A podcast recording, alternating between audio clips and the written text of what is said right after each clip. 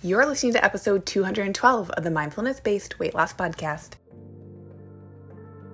Welcome to the Mindfulness Based Weight Loss Podcast, the show for women like you who have tried restrictive diet after diet and are ready for simple, thoughtful solutions to help you sustainably lose weight for the last time from a place of abundance and peace. If you're looking to end the yo yo of comfort eating and rigid weight loss protocols and instead step into living your life mindfully on your terms while losing weight in the process, you're in the right place.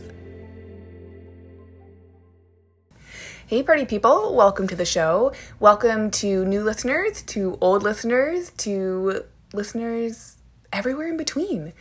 And very often, the episodes that I record here are inspired by conversations, whether they're coaching conversations with clients, side conversations with friends, with family, conversations I have with myself in my head based on what I see in social media or general trends in the health and wellness sphere or even just my own personal experiences. Uh, quite frankly, often my own personal experiences, because isn't that how a lot of us process our worlds, is through our own lenses and what we notice over time with that.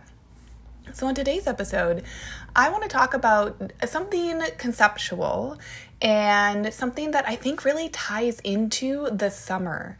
And a lot of us, I think, have an idea of the summer that the summer is is really, really different than any other time of the year. And who am I to tell you if that either isn't true? But I just want to add some context to the idea that every season is going to have its own differences.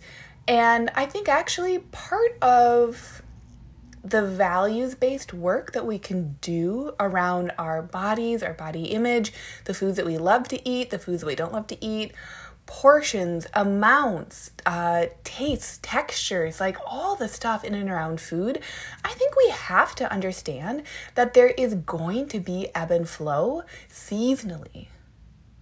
You know, because isn't that what diets and dieting tries to sway us from often?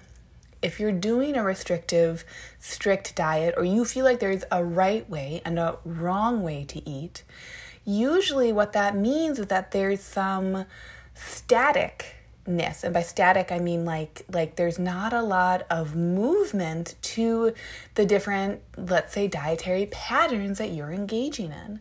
But how many of you out there have tried to have like a cold smoothie in the winter because it's quote unquote healthy, but you actually maybe would actually prefer that smoothie during warmer temperatures or vice versa. How often have you not wanted to turn the oven on during the summer because it's hot? And you don't, you're not feeling called to have hot food. And maybe you're one of the people who is, or maybe you're someone who loves cold smoothies in the winter, but I think you get my gist. It is part of our radical reckoning of coming into relation with our bodies, our body signals, our brains, our brain signals to really understand what is it that I prefer.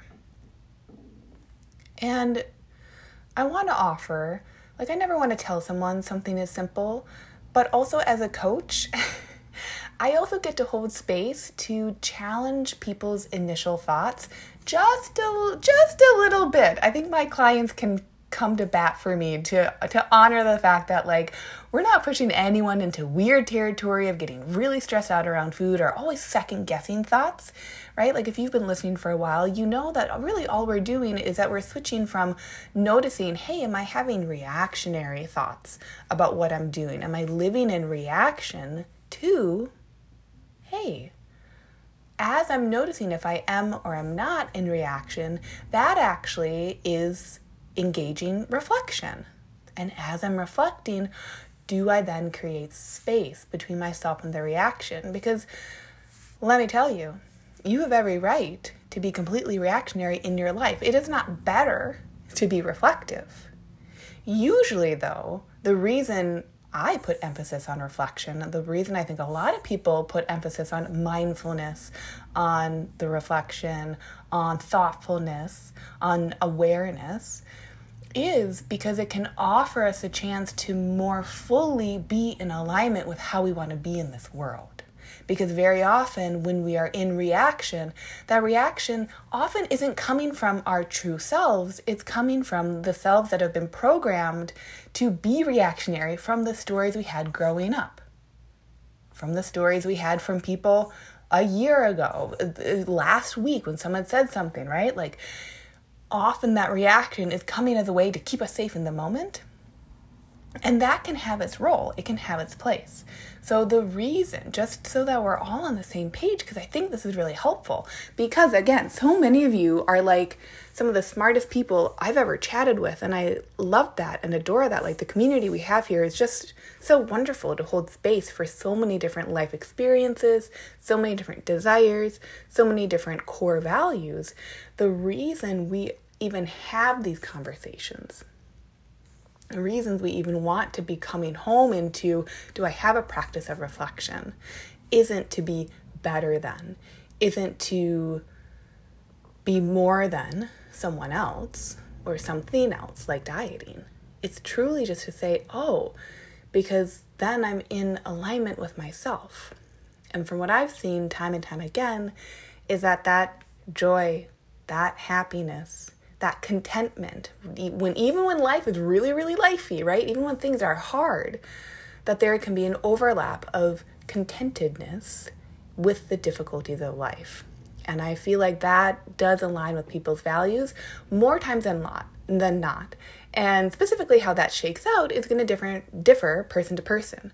So all that being said what i want to offer today what I was inspired to talk about both is like the summer season and noticing, gosh, what is my relationship to the summer? What foods do I value?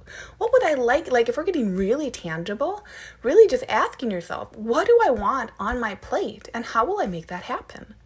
That in and of itself, like, mmm, I feel like I'm like, when I say that, I'm like, watermelon, berries, uh, blackberries, fruit pie, uh, super simple dinners, right? Like I'm even thinking of like noodles and a side of peas. To me, those are the meals that set me free. Anyway, so on today's episode, what I want to be inviting you into is the idea of a couple of things. Number one, that the ebb and flow from season to season, preference to preference, value to value, even the ideas of understanding your core values, your core values might very well change and shift over time.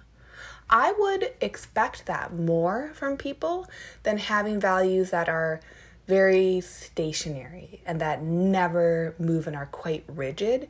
You might have some core values that truly, like maybe their essence is the same, but how you describe them or how you're approaching them shifts over time. But most people, we are fluid. And I think actually that's where diet culture really does a number on us because we feel like we have to fit into the box of dieting. We feel like, oh, I should be able to get by on the cabbage soup diet or on eating strict this or that diet. And then we feel like, well, because I was not or chose not to do it in that way, therefore there must be something wrong with me. There must be something wrong with the fact that I desire flexibility, that I have desires that fit outside of the box that this diet has created. But I really think like that's why the diets are so dehumanizing. Is because they don't offer the ability for us to be like, I just get to choose. I just get to choose. And what I choose in the summer will be different than what I choose in the fall. And what I choose in the fall, I have no need to use against myself for what I choose in the winter, and so on and so forth. So that is what I want you to be taking away from today's episode is really honoring for yourself. What the heck lights me up for summer foods? And of course, what the heck lights me up for my summer life, for my summer well lived, and not from the place of scarcity of like, oh my God, I gotta get in all the summer activities, gotta get in all the summer memories because soon enough fall's gonna be here, but truly from being like, when I allow myself that space and grace, really, to be with myself this summer, what is it that burbles up that I desire to move towards, that I desire to be within the present moment, right? And think about like swimsuits. I think swimsuits are a big conversation, right? Swimming season, beach season, pool season. If many of us have these uh, almost like un what's the word I'm looking for? Uh, uh, unexplored thoughts about ourselves, these unexplored feelings, right? How many of us have been in a bathing suit out in public and we have what feels like a difficult time being in the present moment because we're only focused on other people's perceptions of us and our bodies? Or, not even that, we feel a body part so deeply or we're so focused with our attention on it that we aren't actually experiencing the present moment beyond that hyperfixation on the body part or on other people's perceptions. Like, how many, I know I've been there, how many of us have had that experience? So, what if this summer we just flipped the script and instead of saying that that was bad, oh my God, how many years wasted or whatever else, to really say, like, wow, okay, that's where my attention was before, and I've learned so much from that. I've learned now what I do and don't value. I might not know every single thing I value, but I'm on my way. And the more I allow myself to challenge when my brain says, I don't know, or when my brain says, oh, I can't possibly do this or do that, the more I allow myself to challenge that from a place of love, of saying, Do you really not know, brain? Like, what if you were to know? Right? What if you were to just give it a go? What if you were to give it a try? What if you were to feel that feeling of discomfort in your body and really boil it down to objectively what's going on versus subjectively, oh, I should or shouldn't be feeling this way. Do you see how powerfully that can shift the narrative, that inner narrative of our experience of our lives? Because BT Tubbs, if no one has ever said this to you before, I think really from what I see, time and time again with clients, with myself, with my communities, with people in health and wellness at large, if we actually boil down and we really, really reduce and get reductionistic about why it is we're even pursuing weight loss, we're even pursuing a shift or a change here, most of the time is so that we are content and present in our lives, right? We don't want to be, again, this is just an example when we say, I don't want to be, or I want to be comfortable in my swimsuit at the pool, at the beach. We want that. Why?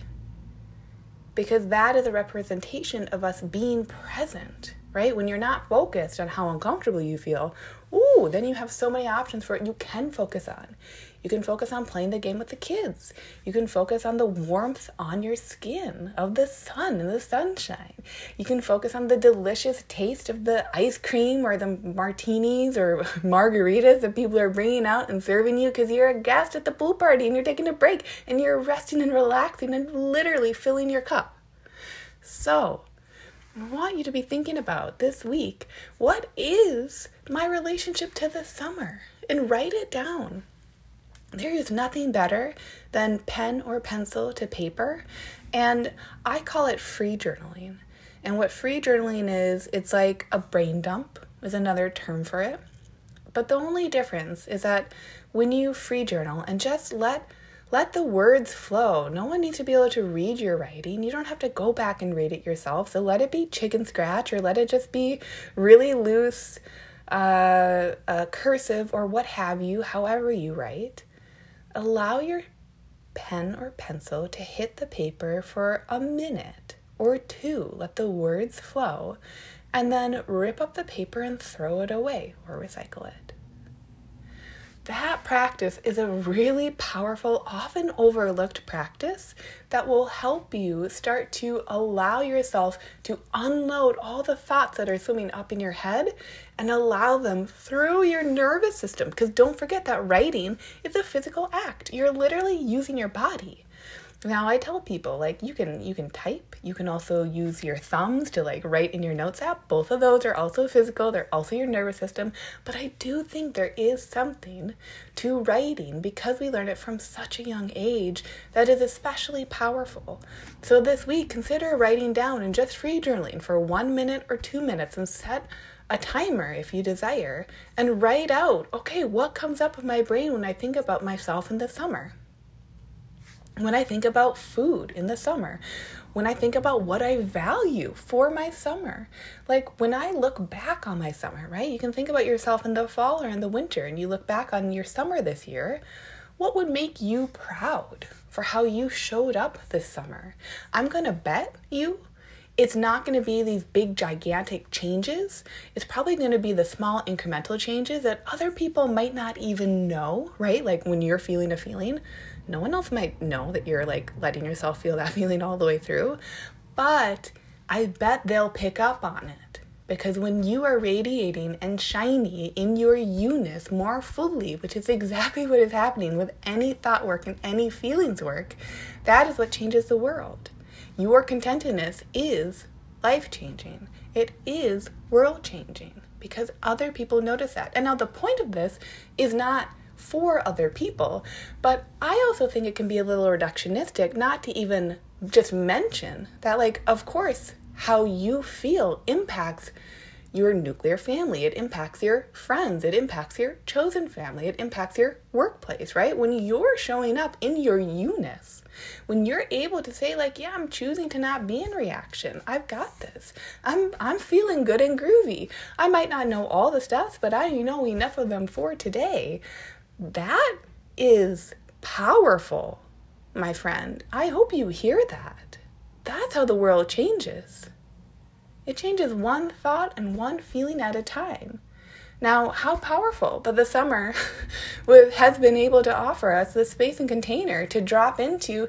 Hot damn, of course, my needs and values will change and flex with the seasons, with my changing needs in my different seasons, right? How many of us go through different seasons in our lives? Isn't that exactly what life is? We start as a baby. We then become a child. We then become an adolescent, then a young adult, then a midlife adult, then later life adult, and all the other stories in between. Having children, becoming a grandparent, like all, and that's just the base, right? So many different stories, so many individual situations to be able to allow the power of this one season, the summer, and how you desire to show up in it, and then how you'll make that happen for yourself is one thought and one feeling at a time. So you've so got this this week. And I encourage you to give that free journaling slash brain dumping a go and see what happens. So that's our episode for this week. Go forth and enjoy. Enjoy your favorite summer foods and your favorite summer activities. And I promise you, if you don't know where to start, simply ask yourself, what if I did? And I promise you that that is enough. That is the power. That is being present. So, thank you so much, and I'll see you on next week's episode. Bye. Hey, if you love today's show, I'd love for you to take a minute and give a rating with a review. If you too are ready for more women to make life choices from loving mindfulness, that means we need more women listening to this message so they know it's available to them and they can do it too. And if you're ready yourself, come join Lena Liberated, where we'll work together and you'll learn how to take this process to the next level in your weight loss goals, life desires, and beyond go to luciahawley.com. That's L U C I A H A W L E Y.com to connect.